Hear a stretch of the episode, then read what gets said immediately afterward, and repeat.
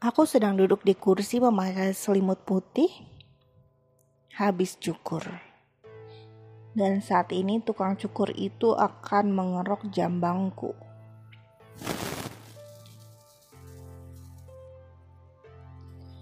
Ketika tukang cukur menghunuskan pisau untuk meratakan godek, aku tersentak. Aku baru menyadari bahwa kehidupan berbahaya dunia manusia sama buasnya dengan rimba raya, mengancam. Di mana-mana menganga bahaya. Siapa yang dapat menjamin tukang cukur itu tidak hanya akan merapikan godek dan jenggot kita? Bagaimana kalau dia menorehkan pisau itu ke leherku? Aku pun berdiri menghindari bahaya. Kita tidak boleh mengambil resiko untuk memotong rambut di sembarang tempat karena berhubungan dengan tukang potong rambut yang tidak kita kenal. Setiap saat bisa berarti memotong leher. Bahkan dengan tukang cukur yang sudah dikenal pun selalu ada bahaya. Bagaimana kalau pisau yang terhunus di tangannya itu menimbulkan inspirasinya, memanggil kenangan-kenangan kepada pesan marah, jengkel, atau keki. Mungkin terhadap orang lain, tapi bisa saja emosi itu sudah menggerakkannya untuk memaksa kita jadi sasaran pelepasan.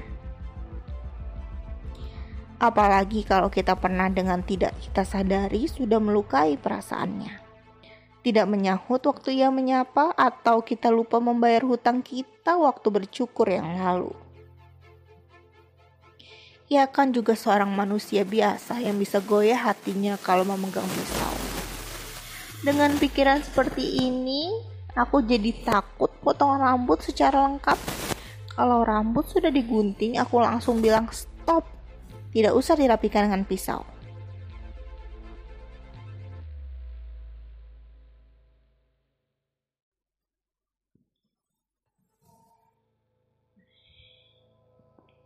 Kulepaskan selimut itu dan kubuang ke lantai.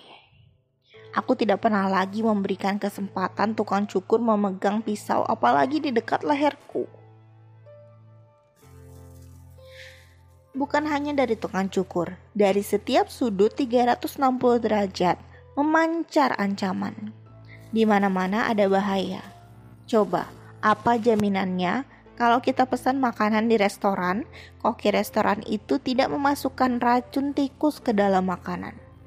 Kita tidak tahu siapa yang memasak di belakang sana. Kita tidak bisa menyelonong ke belakang dan melihat mereka memasukkan bumbu ke dalam masakan setiap kali mau makan.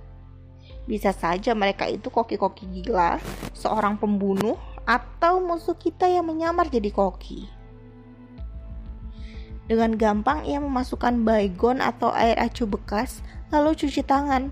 Sementara satu atau dua jam kemudian kita akan kaku dilarikan ke gawat darurat, tapi tidak tertolong lagi.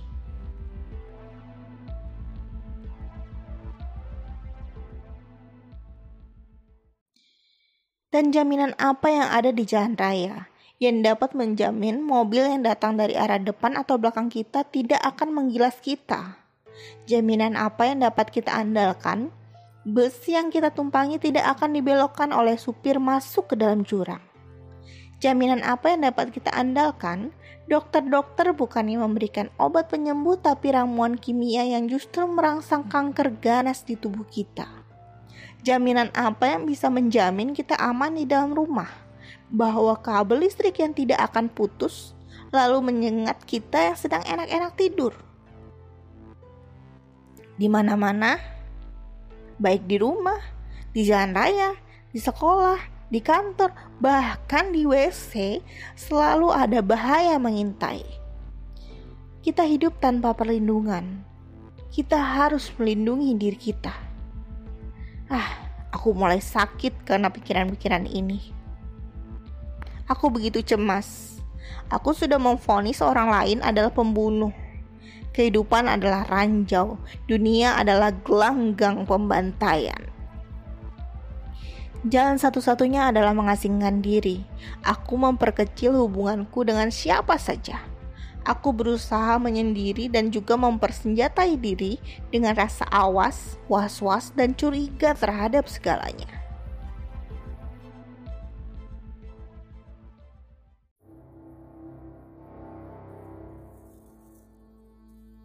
Kuturunkan sebuah kurungan besar dan aku pun masuk ke dalamnya. Bahkan, aku mencurigai diriku sendiri. Hingga ku borgol diriku. Siapa yang dapat menjamin bahwa aku dapat dipercaya? Karena aku terdiri dari otak, rasa, serta emosi. Kalau emosi sudah meluap, rasa akan terbakar dan otak bisa lumpuh. Dalam keadaan begitu, aku bukan manusia lagi, tapi binatang, robot calon pembunuh. Setiap waktu aku dapat menjadi jagal orang lain dalam setiap kesempatan. Karena siapa dapat menjamin aku tidak akan meraih pisau makan di restoran dan menusukkannya ke lambung orang makan yang ada di sebelahku, yang matanya begitu menjijikkan. Siapa yang dapat menjamin aku tidak akan berteriak bohong, bangsat, anjing, lonte, dan sebagainya dalam sebuah pertemuan resmi ketika seorang wali kota dihadiahi kehormatan sebagai putra terbaik? Siapa yang dapat menjamin aku tidak akan merebut pistol di pinggang seorang polisi di jalan, lalu menembakkan sampai pelurunya habis ke atas kepala siapa saja yang kebetulan lewat? Tidak ada jaminan, Bung. Dan karenanya juga tak ada gunanya pergaulan. Tak ada gunanya pertemuan dengan manusia lain. Karena itu jelas sudah kehidupan ini sendiri adalah langkah pertama yang membawa kita ke dalam bahaya. Dengan pikiran itu, aku lalu menyepi.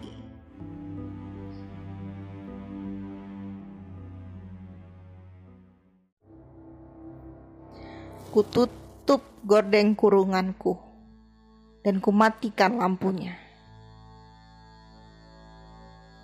Kuhidupkan lampu yang hanya ada di dalam kurunganku.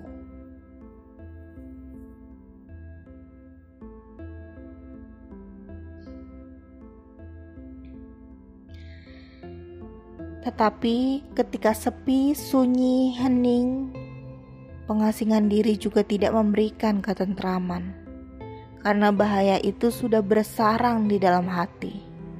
Aku putus asa. Bagiku kehidupan tak memberikan lagi apa-apa kecuali malapetaka dan kekalahan. Hidup hanya menunda kekalahan, kata Hairil Anwar. Di depan mataku setiap detik terbentang jalan ke jurang keruntuhan. Manusia-manusia semua adalah makhluk tak beradab harus deras pikiran kumal itu bagai air bah, tak mampu ku tahan, tak bisa ku tolak, tak kuasa ku terima. Akhirnya, karena tak tahan, tak berdaya, tak tertolong, aku ambil jalan pintas.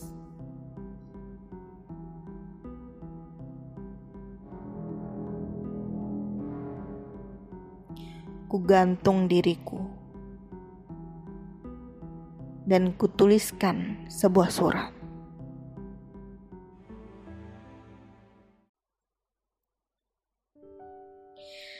Kepada siapa saja yang ingin tahu, aku tak dapat memikirkan jalan yang lain yang lebih baik dari ini.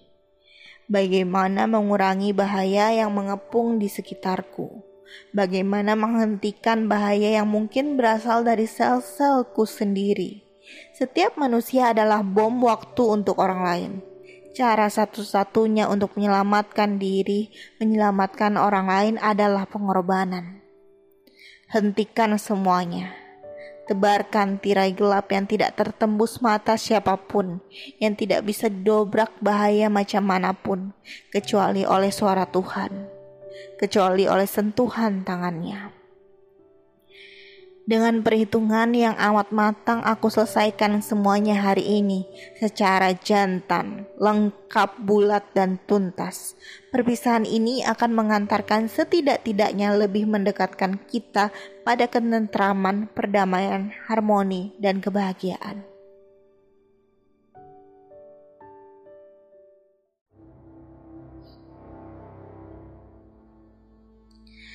Kalau tidak ada yang mengerti atau mau mengerti terserah. Aku dianggap sudah sesat karena kemasukan setan, pasrah.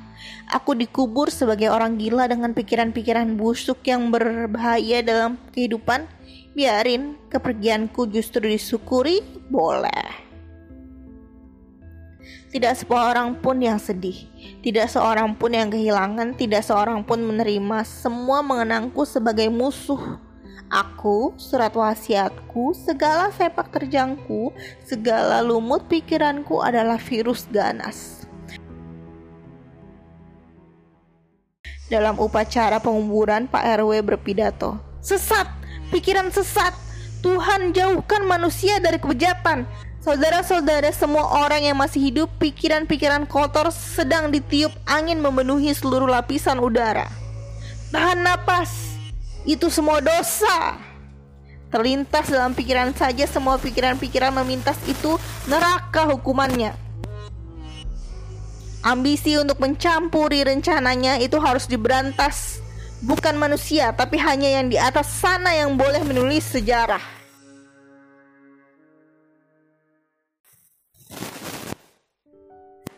Semua media massa memompa fatwa Pak RW. Kenalan-kenalanku mengingatkan orang yang belum kenal aku, supaya awas. Pikiran-pikiran sakit sudah gentayangan memakai topeng suci, yang tidak pernah kenal siapa aku, yang tidak mengerti alam pikiranku, tambah keblinger. Anti moral, berantas habis. Tapi apa yang dilarang apa yang tidak boleh, apa yang dosa biasanya orang selalu suka. Mereka penasaran, ingin tahu, ingin mencoba, mau mencicip, aku jadi laku. Melarang adalah bumerang. Semua jungkir balik. Akhir adalah awal, membungkam jadi mengobarkan. Akibat dicekal pikiranku mengamuk, gagah berani, seksi, indah, dan bermagnet. Kematianku mempesona dan agresif. Penguasa langsung mengumumkan, jalan pikiran melepas yang pendek itu tidak bertanggung jawab, egois, anarkis, provokatif, itu subversif. Meracuni angkatan muda, orang-orang yang putus asa untuk mencari kebahagiaan dengan cara gampangan itu terlarang. Keblinger, tulis Profesor Ong. Bodoh, cupet, asosial, mengandung pesona berbahaya bagi moral, tidak mensyukuri karunia Tuhan, menentang falsafah negara. Teroris itu bukan pahlawan tapi sakit jiwa. Jangan biarkan dia jadi berhala. Hidup tambah berbahaya. Kalau ngebom semua bahaya. Teror itulah bahaya yang sebenarnya, bukan ancaman bahaya itu sendiri, seperti yang sudah difitnahkan. Mas Gan, Pak Kayom, Profesor Kan, Profesor Dr. Ali, Profesor Bos, Profesor Mak, Profesor Dr. Emmanuel dan Bagus, Dr. Ko, Dr. Kwak, Araf, bahkan tak kurang dari mantan Menteri Kebudayaan Pak Fat dan Presiden Sak memberikan suaranya.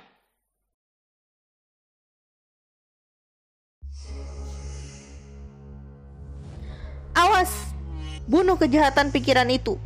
Racunnya terus menjalar, setiap saat akan meledak. Dia mengacaukan antara yang ada dan yang tidak ada. Kikis tuntas tidak ada kata ampun. Bukan karena pikiran itu besar, tetapi karena justru begitu sederhana, mudah, naif, menjanjikan penyelesaian tunggal yang keji terhadap satu kenyataan dunia yang kompleks.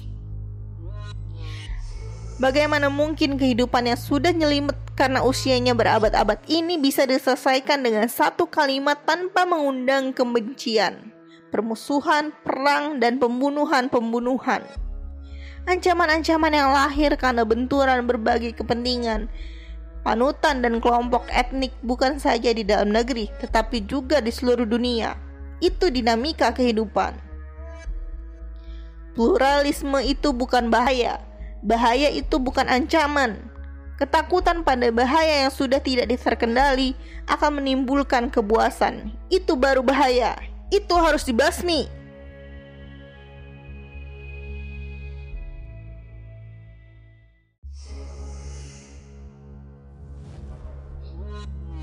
Lalu puting beliung bertiup sebaliknya. Meniupku dengan kencang dan aku coba bertahan berpegangan pada tali yang meleret di leherku.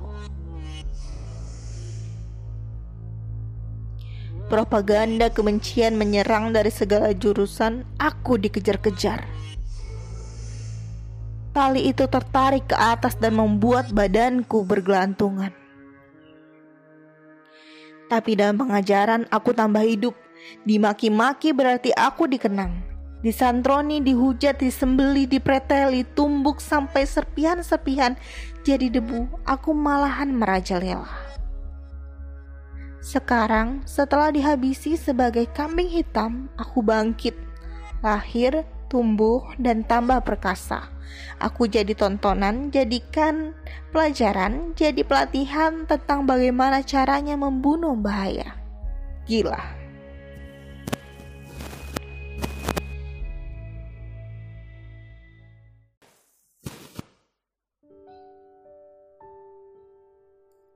Aku adalah pelajaran bahaya. Aku harus dipahami untuk mengerti apa yang harus dijauhi. Aku buku suci apa yang tabu. Mau tahu siapa yang harus dikutuk? Lihat aku. Aku adalah musuh besar yang harus dibasmi itu, yang tidak bisa mati tanpa dipahami. Maka cintailah aku. Anak-anak sekolah diwajibkan awas Aku dipaku pada setiap kepala, dicontreng pada setiap pojok kehidupan. Dari kamar kecil sampai ke tempat tidur, orang waras, orang melek, orang pintar, orang sedang buang hajat, orang mabok, orang tidur, orang bersenggama, orang teler, bego, sakit jiwa, semua harus waspada. Tahu aku. Aku jadi populer dan mewabah, merajalela sampai ke semua ketiak dan selangkangan bangsat yang dilestarikan. Itulah aku.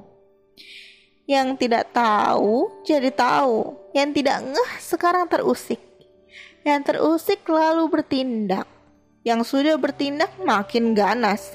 Yang ganas kontan hilang ingatan. Dan yang hilang ingatan bablas karena yakin akan masuk surga. Setelah dibungkam, berjuta-juta bahaya baru terlahir galak, menggigit-gigit, penuh dendam. Begitu kamu sadar mau balik langkah, sudah terlambat. Itulah bahaya yang sebenarnya.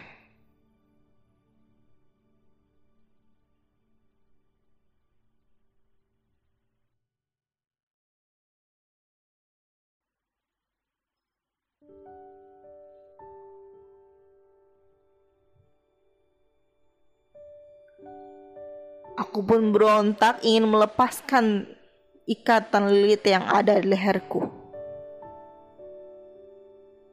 Namun semua itu telah terlambat.